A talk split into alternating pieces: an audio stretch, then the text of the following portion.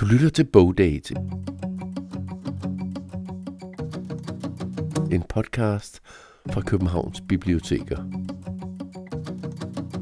Mit navn er Claus Vitus.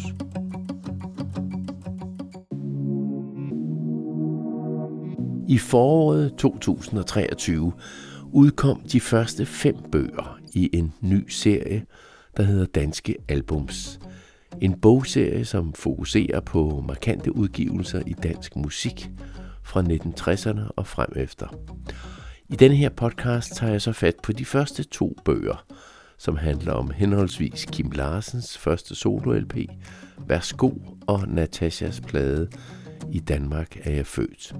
Begge to plader, som er en slags klassiker inden for dansk musik, og begge to plader, som også tager udgangspunkt i musik fra København og et musikmiljø i København.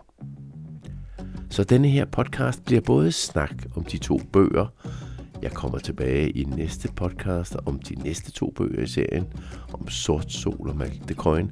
Men i denne her tager jeg altså fat i de første to, og der bliver en masse lydcitater fra de albums, plader, CD'er, værker, kald det hvad du vil. Altså de to, som bøgerne handler om. Først skal vi lige have et lille klip fra Kim Larsens Værsgo fra 1973, som musikjournalist og forfatter Henrik Marstal har skrevet den første bog i serien om. Og så lige efter det tager jeg fat på Natasha og forfatteren Nana Balslev. Men først ud på landevejen med Kim Larsen. Jeg går af vejen mod Korsør En tidlig fredag aften Bilerne, drøner bare forbi. Mit tøj er tyndt, og det er hundekoldt. Jeg går med tommen i vejret. Bilerne, de drøner bare forbi. Kim Larsen er jo kendt af alle danskere osv., men på det her tidspunkt i 1973, selvom Gasolin dog havde udgivet to øh, albums, var han jo ikke så kendt. Altså, der var ikke mange over 20, der købte Gasolins plader på det her tidspunkt. Selvom deres musik egentlig appellerede til meget ældre mennesker, eller voksne mennesker, kan man sige, så var det virkelig en, en indiskutabel del af ungdomskulturen. Og så kommer det her album, øh, Kim Larsens soloalbum, som jo kommer på et tidspunkt, hvor han egentlig ikke er særlig kendt. Men det, man skal huske på, og som jeg skriver lidt om i, i bogen i indledningen, det er, at øh, jeg synes, det er vigtigt at prøve at huske på, prøve at lave den øvelse inde i hovedet, når man læser bogen, at man prøver at, at teleportere sig tilbage til 1973, og prøve at sige, at Kim Larsen var ikke særlig kendt. De her sange var fuldstændig nye, og jeg ved godt, det er næsten umuligt, fordi der er så mange mennesker, der har gået i børn, altså der har kendt Joanna, siden de gik i børnehave. Men dengang var det ikke sådan. Dengang var det et, ny sang, der kom på et album, man havde ikke hørt den sang før. Den, den, den pludselig var den der bare. Så man kunne ikke sige, at man som femårig har kendt den siden man var fem. Man har kendt den siden man var 18 eller 33, hvor gammel man nu var, da albumet udkom. Så øh, jeg synes, der er noget i det, der er vigtigt at sige, at vi skal huske på, at, øh, at det er en del af præmissen for albumets udbredelse. Det er, at det er en ny spiller på banen, som laver noget musik, som, øh, som appellerer meget bredere, end, man, end Kim Larsen formodentlig selv havde forestillet sig. Men altså gør det blandt andet fordi, at han er et nyt, frisk bud Øhm, øh, på et nyt frisk skud på stammen. Ja, i 1973 var Kim Larsen et nyt frisk skud på stammen. Ham vender jeg tilbage til, og ikke mindst den her plade Værsgo og interviewet med Henrik Marstal. Det kommer om en fem minutters tid længere fremme i denne her podcast. Men jeg vil godt lige tage et nyere skud på stammen, nemlig Natasha og hendes plade I Danmark er jeg født fra 2007. Verden den er stor, mærk dig mine ord Jeg trives hvor jeg bor, men jeg savner Sudan og den røde jord. Min far, min søster og min bror. Yeah.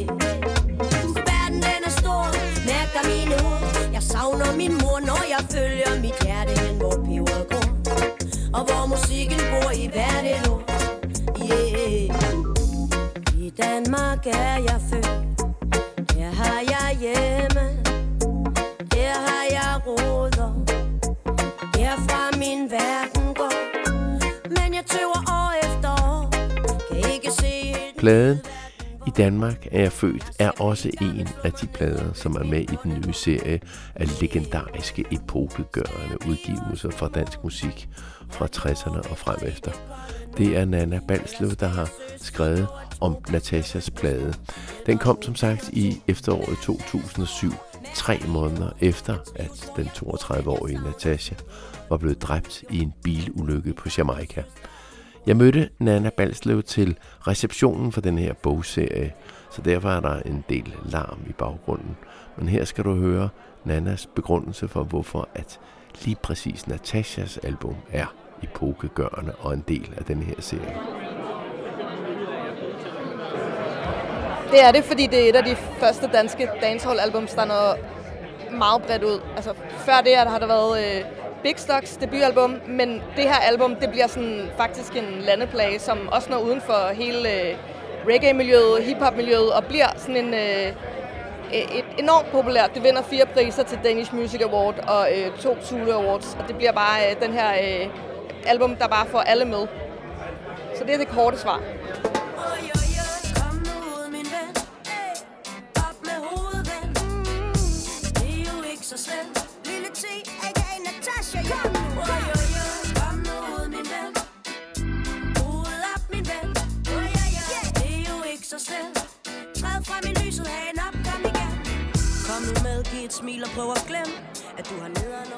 Jeg tror, der er, der er to ting i det. For det første så øh, var Natasha enormt god til at skrive nogle, nogle numre, og også nogle omkvæd, som bare brændte sig ind. Altså hun havde både hun kom fra, fra en, en, en reggae-miljø og en undergrund, men hun havde bare også en, en, en, en meget, meget sådan bred appel, og også i sin omkvæd netop sådan et nummer som uh, Giv mig Danmark tilbage, er jo sådan et nummer, som det er sådan nærmest lidt Kim Larsens i sin sådan, den der måde, hvor man kan synge med på, og, og hun siger, øh, øh, meget skal man høre, Gud bevare mit humør. Hun har sådan den her ærkedanske måde at skrive tekster på, som, som jeg tror virkelig, virkelig mange kan spejle sig i. Det er det ene. Men det andet er jo nok også, at, at albumet udkommer øh, tre måneder efter hun er død, og der, hun får ligesom sådan det der kæmpe gennembrud, som vi jo var mange, der håbede, mens at hun var i undergrunden, som vi hele tiden vidste, at det ville hun få. Det fik hun jo virkelig, øh, og desværre så efter hun var død. Så jeg tror også, det har spillet ind, at, at, at, øh, at det virkelig, virkelig, virkelig bare havde nogle tekster. Det kan man også se nu. Altså, øh, jeg har en datter på 11 år, hun synger med på, på mange af sangene, og jeg kunne se øh, i den seneste sæson af X-Factor, der var øh, den her duo, som vandt Roselle, som øh, øh de, de lavede et cover af, af, øh, af Op med hovedet. Ikke? Så hendes sange har bare en, en sådan meget umiddelbar øh, øh, appel, og så har det den der meget, det, det rammer sådan noget helt, helt øh, sådan noget dansk, hvor man bare kan synge med, og det er, sådan, det er virkelig, og jeg mener det altså på en god måde, men den har den der meget øh, sådan, reference til danske, sådan, den danske sangskat. Hey Danmark! Hvad sker der for dig? Jeg savner dig, jeg vil have dig tilbage Ligesom i de gamle dage, hvor en spage var en... Jo, jeg vil have dig tilbage Ligesom i de gamle dage, hvor en fri fugl var fri Og hvor man mente, hvad man sagde Hey, giv mig mit rabalderstræde Og få styr på Istegade ah, Kom nu for fanden Nu har, er, er det her jo fem bøger om albums, og du er jo vant til også at skrive om, om musik. Men hvordan er det at skrive en hel bog, hvor du dybest set jo ikke rigtig kan spille musikken samtidig, og du kan håbe på, at de, de mennesker, der har bogen i hånden, så griber fat i pladen? Det er jo en ret stor udfordring, men det er jo også en fed udfordring, for det kræver jo virkelig, at man skal gøre sig umage. Øhm, og så gør det jo også, at altså, det her album, der er ikke nogen tvivl om, at jeg har hørt det her album enormt meget, jeg har spillet det meget som DJ, og øh, har et ret tæt forhold til det, både da det kom ud, men også efterfølgende. Så det har faktisk været enormt fedt, fordi det gør jo, at jeg skal forklare det øh, øh, for øh, dem, der kender det, men også for alle dem, der ikke gør, som ikke, øh, ikke rigtig ved, hvem Natasha var og hvem hun er. Så det, det har faktisk været en enormt fed opgave, fordi det gør, at man skal prøve at sætte ord på noget, som, øh, så, så, så mange som muligt kan forstå det. Giv mig mit land tilbage, ligesom i de gamle dage Giv mig frisindet igen, der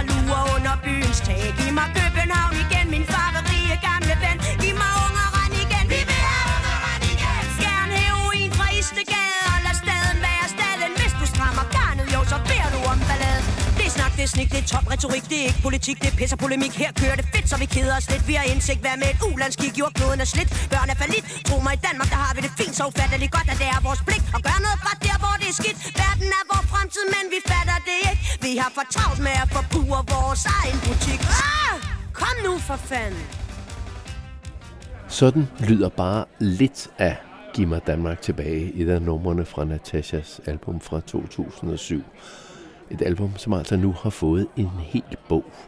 Og bogen om I Danmark er jeg født er skrevet af Nana Balslev og nummer 5 i serien. Nummer 1 i serien er som sagt Værsgo, altså Kim Larsens soloplade fra 1973. Og jeg forlod bogreceptionen og tog ud på Christianshavn for at mødes med forfatteren til den bog. Christianshavn, som betød meget for både Gasolin og Kim Larsen, i hvert fald i begyndelsen. Vi mødtes ved Christianshavns kanal, og han fik samme spørgsmål som Nana Balslev, altså hvad er det, som er epokegørende ved det her album, som du har valgt at skrive om? Og i Henrik Marstals tilfælde, altså hvad er epokegørende ved Værsgo-albummet? Spørgsmålet er, om det, om det var epokegørende overhovedet, da det udkom, fordi det udkom jo øh, relativt øh, undseligt, som noget, ingen havde forestillet sig skulle, øh, skulle blive til noget.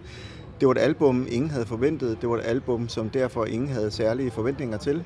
Og, øh, men det blev betydningsfuldt. Det blev epokegørende albumet på grund af, vil jeg men, sige. Men, og når du siger undseligt, så er det fordi, det kom, blev udgivet om sommeren, ja. hvor, hvor man normalt ikke udgiver plader på det tidspunkt i hvert fald. Ja, hvor man, man kan regne med, anmelder var på sommerferie og så videre. Så, øh, så det om, udkom øh, øh, og så noget, man ikke havde regnet med overhovedet skulle, skulle gøre nogen, in, in, altså komme til at influere særlig meget. Men det kom det til at gøre, fordi der var mange, der var blev utrolig glade for det album på ganske kort tid. Og derfor blev det jo epokegørende, fordi øh, der pludselig var mange mennesker, der kunne bruge det her album til at spejle deres egen samtid. Og udover det, så var det jo nogle gode sange, som, man, som var slidstærke. Der var en stemning på albummet, som man havde følt sig inviteret indenfor til at være en del af, og det, det ville man gerne gøre igen og igen. Det var som om det var, det album var sådan en lang åben fest. Man kunne altid øh, sætte det på igen og føle sig som en del af den der fest. Så øh, det epokegørende ligger måske i, at albummet faktisk havde en meget øh, bred appel. Men for mig at se ligger det epokegørende, når jeg nu tænker over det, øh, også i, at det var øh, en samling sange, som blev skabt ud fra en vise folk øh, baggrund, som jo øh, var noget, der var opstået i løbet af 60'erne og havde fået en ret stor medvind i 60'erne. Øh, og folkkulturen stod stadigvæk stærkt i 1973, men det viser i hvert fald, at der var nye, yngre kræfter, som blandt andet Kim Larsen, der altså øh, havde taget folkkulturens værdier til sig og, øh, og arbejdet med dem, men gennem den, med den tradition i ryggen, skabte noget, som var, øh, man oplevede i hvert fald som værende helt utrolig dansk. Selvom det faktisk ikke var det, fordi flere melodierne var jo amerikanske for eksempel. Nu siger du, at i samtiden, og samtiden er jo 1973, sommeren 1973, og hvordan så Danmark og måske også Christianshavn ud dengang? Ikke sådan rent fysisk, men hvad var det for en stemning, der var? Jamen altså, for det første var det jo en ny tidsregning i, øh, i, øh, i Danmark, fordi øh, 1. Januar 73 var Danmark jo blevet medlem af EF, som det hed dengang, altså det nuværende EU. Og det var jo et, virkelig en game changer, fordi øhm, der havde været så hæftig debat i årene op til, om man skulle melde sig ind eller ej, og øh, hele venstrefløjen var jo imod, at man skulle melde sig ind. Øh, og det blev, altså endte med, at man blev meldt ind alligevel, og øh, det var med til at gøre, at, øh, at mange var forvirret over den nye tids realiteter. Man var bange for, at de privilegier, som især mere socialt udsatte havde i Danmark, her taler jeg for eksempel om pensionister, der ikke havde øh, ret meget andet end en lille pension. Jeg taler om langtidsledige, jeg taler om mennesker, der i det hele taget var i lidt mere socialt skrøbelige situationer eller udsatte situationer. Man var bange for, om de mennesker ville blive ladt i stikken, hvis der blev medlem af, af, af EF. Det var en af de bekymringer, man havde. Det viser jo at være være, øh, ikke at have så meget hold i virkeligheden, men dengang var man meget bekymret for det. Så der var en stemning af forvirring, en stemning af, at der var en virkelighed nede i Europa, der kørte hen over danskerne, øh, og en følelse af, at på en måde blev ladt i stikken af sin egen regering, af sin egen leder. Øh, så der var betydelig frustration, kan man sige. Det er en ting, som, øh, som spillede ind. Og så var der også det her med, at Christiania jo var en øh, smeltedil for, øh, for, for nye tanker, for, øh, øh, for det lidt mere alternative København, for det lidt mere skæve eksistenser. Christiania var blevet oprettet kort tid forinden, men man skal huske på, at øh, Sofiegården, som det jo hed, det her store kollektiv, som egentlig var en række kondoneringsmodede bygninger, som unge og, øh, og kunstnere bare flyttede ind i, boede meget, meget billigt. Øh, det var blevet ryddet allerede i, øh, i sidste 60'erne, og i 72, altså året før Værsgo udkom, der var stærkassen blevet ryddet, som havde været det næste sted, man havde boet. Øhm, på bagsiden af min bog, der har jeg det her meget berømte billede af Kim Larsen, der, der skrigende og råbende bliver båret væk af tre betjente fra stærkassen. Men det billede fortæller jo utrolig meget om Værsgos tid, fordi det var netop den lejlighed, han havde i stærkassen, øh, hvor øh, Værsgo blev til. Han kaldte det selv albummet for dagligstuesange. Og det var jo sange, der var blevet til omkring hans sofabord i den her, i den her stue her. Og øh, der var altså noget omkring den, den, den, de rammer, som stærkassen var, der pludselig forsvandt, fordi at, øh, man, man ryddede bygningen, og det blev jævnt med jorden øh, samme dag eller dagen efter. Så øh, øh, der er altså en tilknytning til, til Christianshavn og til Værsgo, som har at gøre med en betydelig frustration over øh, statens og kommunens ageren i forhold til de her ting. Og det tror jeg har været en, en del af grundstemningen øh, i, det her, i det her år. Så skal vi huske, at det, du har ret i, at altså, som du lige sagde, at albumet udkom sidste juli 1973. Men mens folk begyndte at komme tilbage fra sommerferie, begyndte at købe albumet, begyndte at ligesom tage det til sig, i løbet af det efterår, det er jo der, at den store globale oliekrise bryder ud og, øh, og skaber nogle, øh, igen er en game changer for den danske økonomiske model, fordi at Danmark var, Danmarks energiforsyning var ekstremt afhængig af olie. Så pludselig blev alting meget, meget fordyret på meget kort tid, og gjorde bare ondt værre. Underkøbet blev, blev vinteren 73-74 en ret kold vinter, så man var nødt til at bruge ekstra meget petroleum i lejlighederne her på Christianshavn samtidig med, at det var blevet meget, meget dyre. Og så skal vi huske en ting til, det var, at i december 73 kom det såkaldte jordskredsvalg, altså hvor øh, omkring en tredjedel af, af Folketingets øh, medlemmer blev udskiftet, og hvor Mås Glistrup kom ind med sit fremtidsparti, og Erle Jacobsen med Centerdemokraterne, blandt andet blandt flere andre nye partier, som jo også skabte en frygt for, om Danmark var simpelthen ved at blive et fuldstændig højredrejet land, øh, populistisk land, om der var nogle værdier, man simpelthen havde læsset over bord og ikke havde sørget for at passe godt nok på. Og for mig at se, er alt det jo indbefattet i sangen Blaffersangen, som jo handler om at gå der fredag aften, øh, en tidlig fredag aften mod Korsør øh, og blaffe, og ingen tager en op. I 60'erne og 70'erne var det at blaffe en meget populær rejseform, og det var meget udbredt, og man gjorde det. Men når ingen tager den her person op, der står og synger det her, som Kim Larsen synger om, så er det for mig et billede på en en øh, drøm om samvær, en drøm om fællesskab, en drøm om en verden, hvor man tager sig af hinanden, hvor man passer på hinanden, hvor man bekymrer sig om hinanden, at alt det på en eller anden måde var forbi. For mig at se er den sang et symbol på, en, øh, på, på det, som Larsens senere synger om, at det er en kold tid, vi lever i. Altså det var en verden, hvor det egoistiske var blevet fremtrædende på bekostning af det mere kollektive. Og det er det, som sangen begræder, og som jeg også øh, kan se er noget, der resonerer med hele den samtidige album, udkom i. koldt jeg er langt hjemmefra. Og jeg savner min mor og min far. Kære biliste, tag mig op.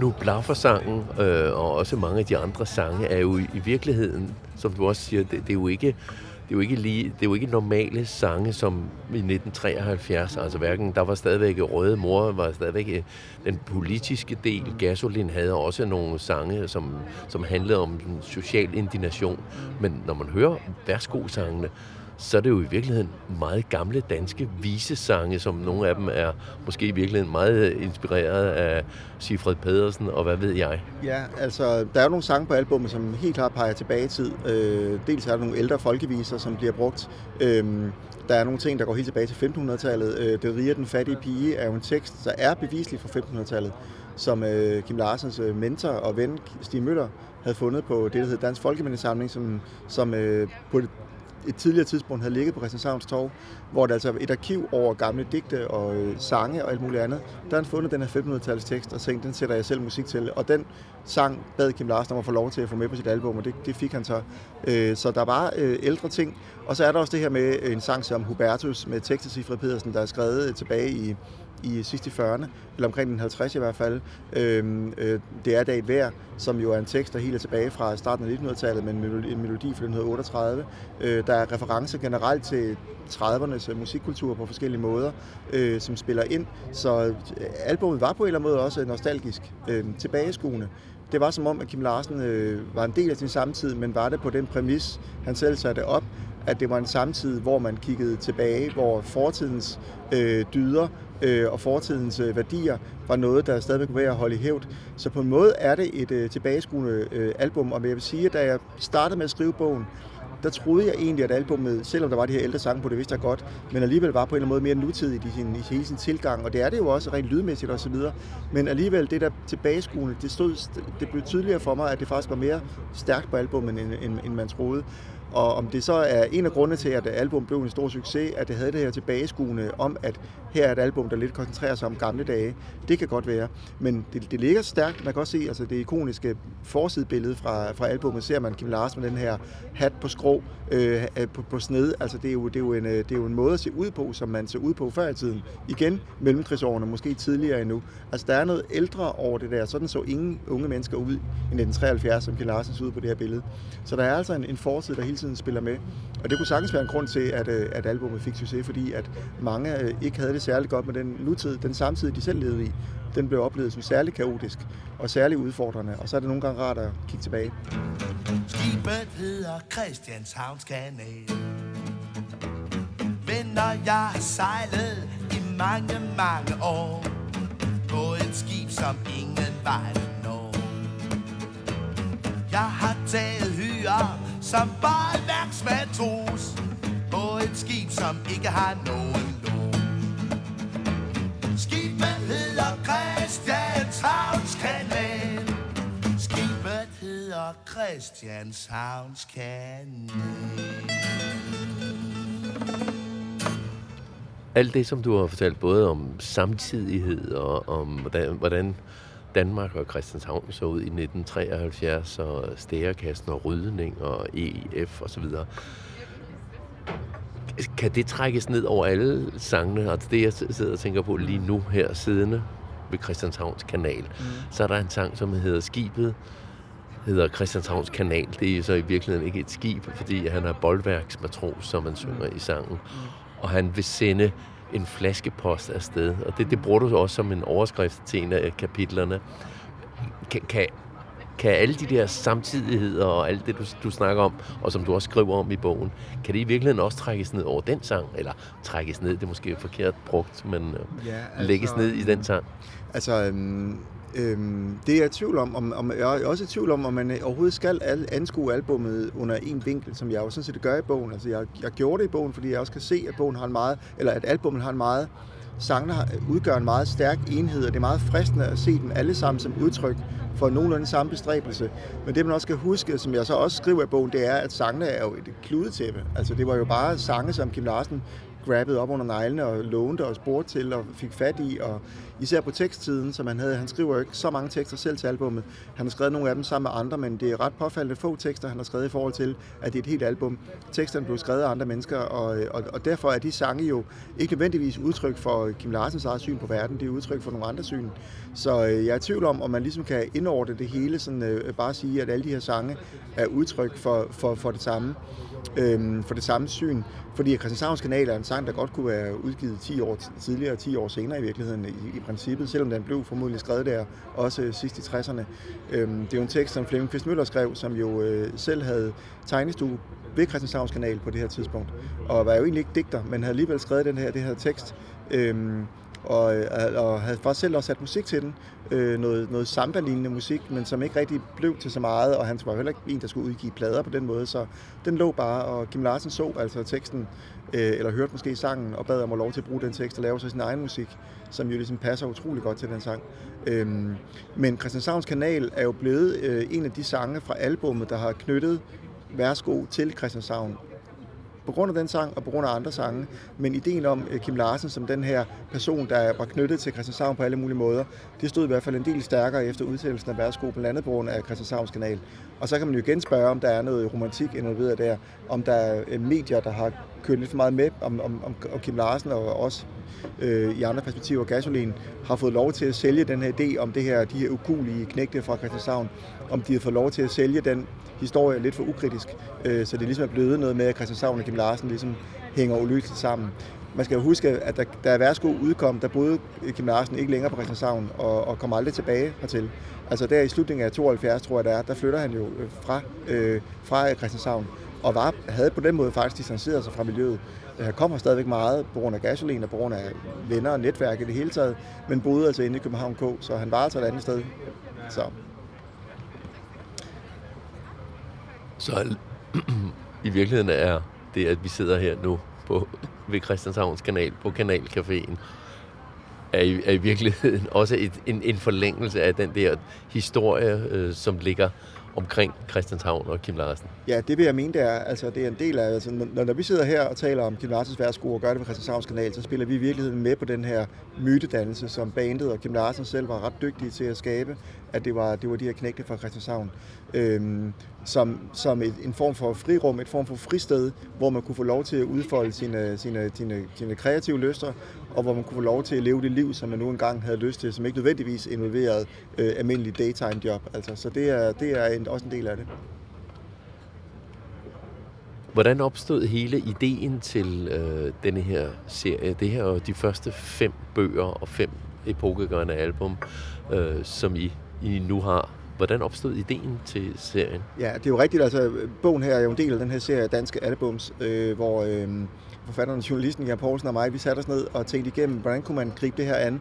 Øhm, ideen er i virkeligheden øh, Jans. Øh, han havde fortalt mig om, at han havde en drøm om, at et dansk forlag skulle udgive en serie med, med, med, med bøger om markante danske albums gennem tiden. Øhm, og øh, jeg synes, det var en utrolig god idé, men, men Jan fortalte mig, at han havde prøvet selv at gå til nogle forlag uden at få så meget ud af det.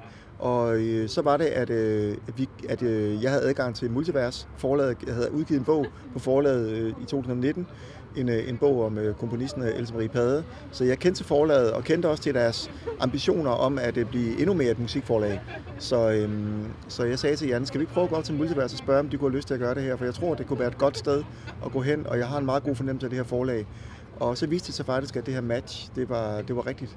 Øh, og så øh, tog forlaget altså chancen og sagde, det det kan vi godt se for os, øh, er noget, der, vi, der, der, der, der, der, der kan bære. Og så øh, var ideen at udgive, udsende fem, albums på, eller fem bøger på en gang om fem forskellige albums, fordi at, øh, det ligesom sætter en signal om, at her er en serie, her er noget, der er startet. Og håbet er jo, at der kommer til at være mange, mange flere bøger i den her serie. Men, øhm, men det er sådan, det er nogenlunde, det er nogenlunde opstod. Øh, og så kan man sige, at det var jo Jan og mig, der så satte os ned og sagde, hvad er det så for fem albums, der skal skrives om? Egentlig havde vi sabet til hinanden. Jan sagde, jeg har lyst til at skrive om øh, så Such Minutes to Go, som han jo gjorde. Og jeg sagde, at hvis jeg skulle vælge et album, jeg ville skrive om som det første, så skulle det være Kim Larsens Værsgo. Det kunne jeg virkelig godt tænke mig. Øh, og så var vi sådan ligesom, okay, så er de to på plads. Hvad skal de andre tre så være? Og så satte vi os ned og tænkte igennem, hvordan kan vi lave en sammensætte en gruppe af album, som viser noget bredt i dansk musikliv, og viser også over hvor lang tid øh, øh, det er udfoldet sig, øh, og hvor mange genrer man er ved inden for. Så vi prøvede at brede os lidt ud, så vi både har noget reggae dancehall, vi har noget hiphop, øh, vi har noget, noget øh, elektropop, og vi har noget mere folk vise med Kim Larsen, og så har vi noget punk med, med, med Sots. Så vi får vist en, en bredde dansk musikkultur allerede fra begyndelsen, som vi synes var, var vigtig for os. Så det ikke bare var fem popalbums eller fem rockalbums fra samme årti. Altså, vi prøvede virkelig at gøre det, gøre det lidt bredere fra starten. Men har I en liste over de næste? Vi har en utrolig lang liste over øh, øh, albums, vi kunne drømme om kunne, kunne, blive, øh, kunne, blive, øh, kunne blive lavet i den her serie. Øh, og vi har jo også en liste over øh, forfattere, vi kunne forestille os at spørge, øh, eller som allerede har meldt ind, at de godt kunne tænke sig at måske skrive noget om det og det, eller det og det. Så den, det, alt det der er sådan set på plads, kan man sige. Jeg tror slet ikke, det bliver svært at få skrevet rigtig mange flere bøger. Øh, vi skal bare lige finde ud af betingelserne for det, rammerne for det. Det handler også om tidsperspektivet, og hvordan, hvordan fortsætter man overhovedet en serie herfra? Hvordan sikrer vi, at serien kommer i et tempo, så en musikinteresseret offentlighed kan følge med? Øh, hvordan sikrer vi, at vi lige når at få så mange bøger skudt afsted, så man føler, at det virkelig er en serie, virkelig er et univers, man går ned i, når man, når man, når man gør det her. Så øh, alle de overvejelser er vi fuld gang med nu. Vi skal også huske, at de fem bøger er jo først lige udkommet, så det er først nu, at vi sætter os ned og siger, hvordan kommer vi så øh, videre herfra.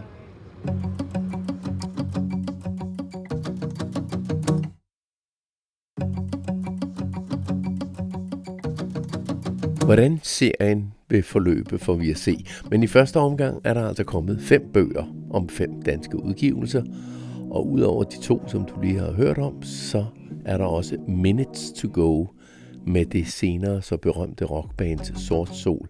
Det var deres debutplade under et andet navn, nemlig Sots. Og så er der også et af dansk hiphops vildeste albums, nemlig Snegl Silla med trioen Malk de Coin du kan høre mere om de to i den næste udgave af Bogdate, hvor jeg interviewer forfatterne om de to københavnske bands, altså Sort Sol og Malk de Coin. Den sidste bog i kvintetten af nye albumbøger fra forlaget Multivers er Anne Linnet og Marquis Sat. Jeg laver en litteraturliste til denne bogdate, hvor du både kan finde de bøger, som jeg har talt om, og flere til. Og du kan også finde link til andre musikorienterede podcasts, bogdates, altså om musikbøger. Der er nok at gå på jagt i, både på biblioteket, både det digitale og det fysiske. Så god jagt og på genhør i næste bogdate måske. Jeg hedder Claus Vitus.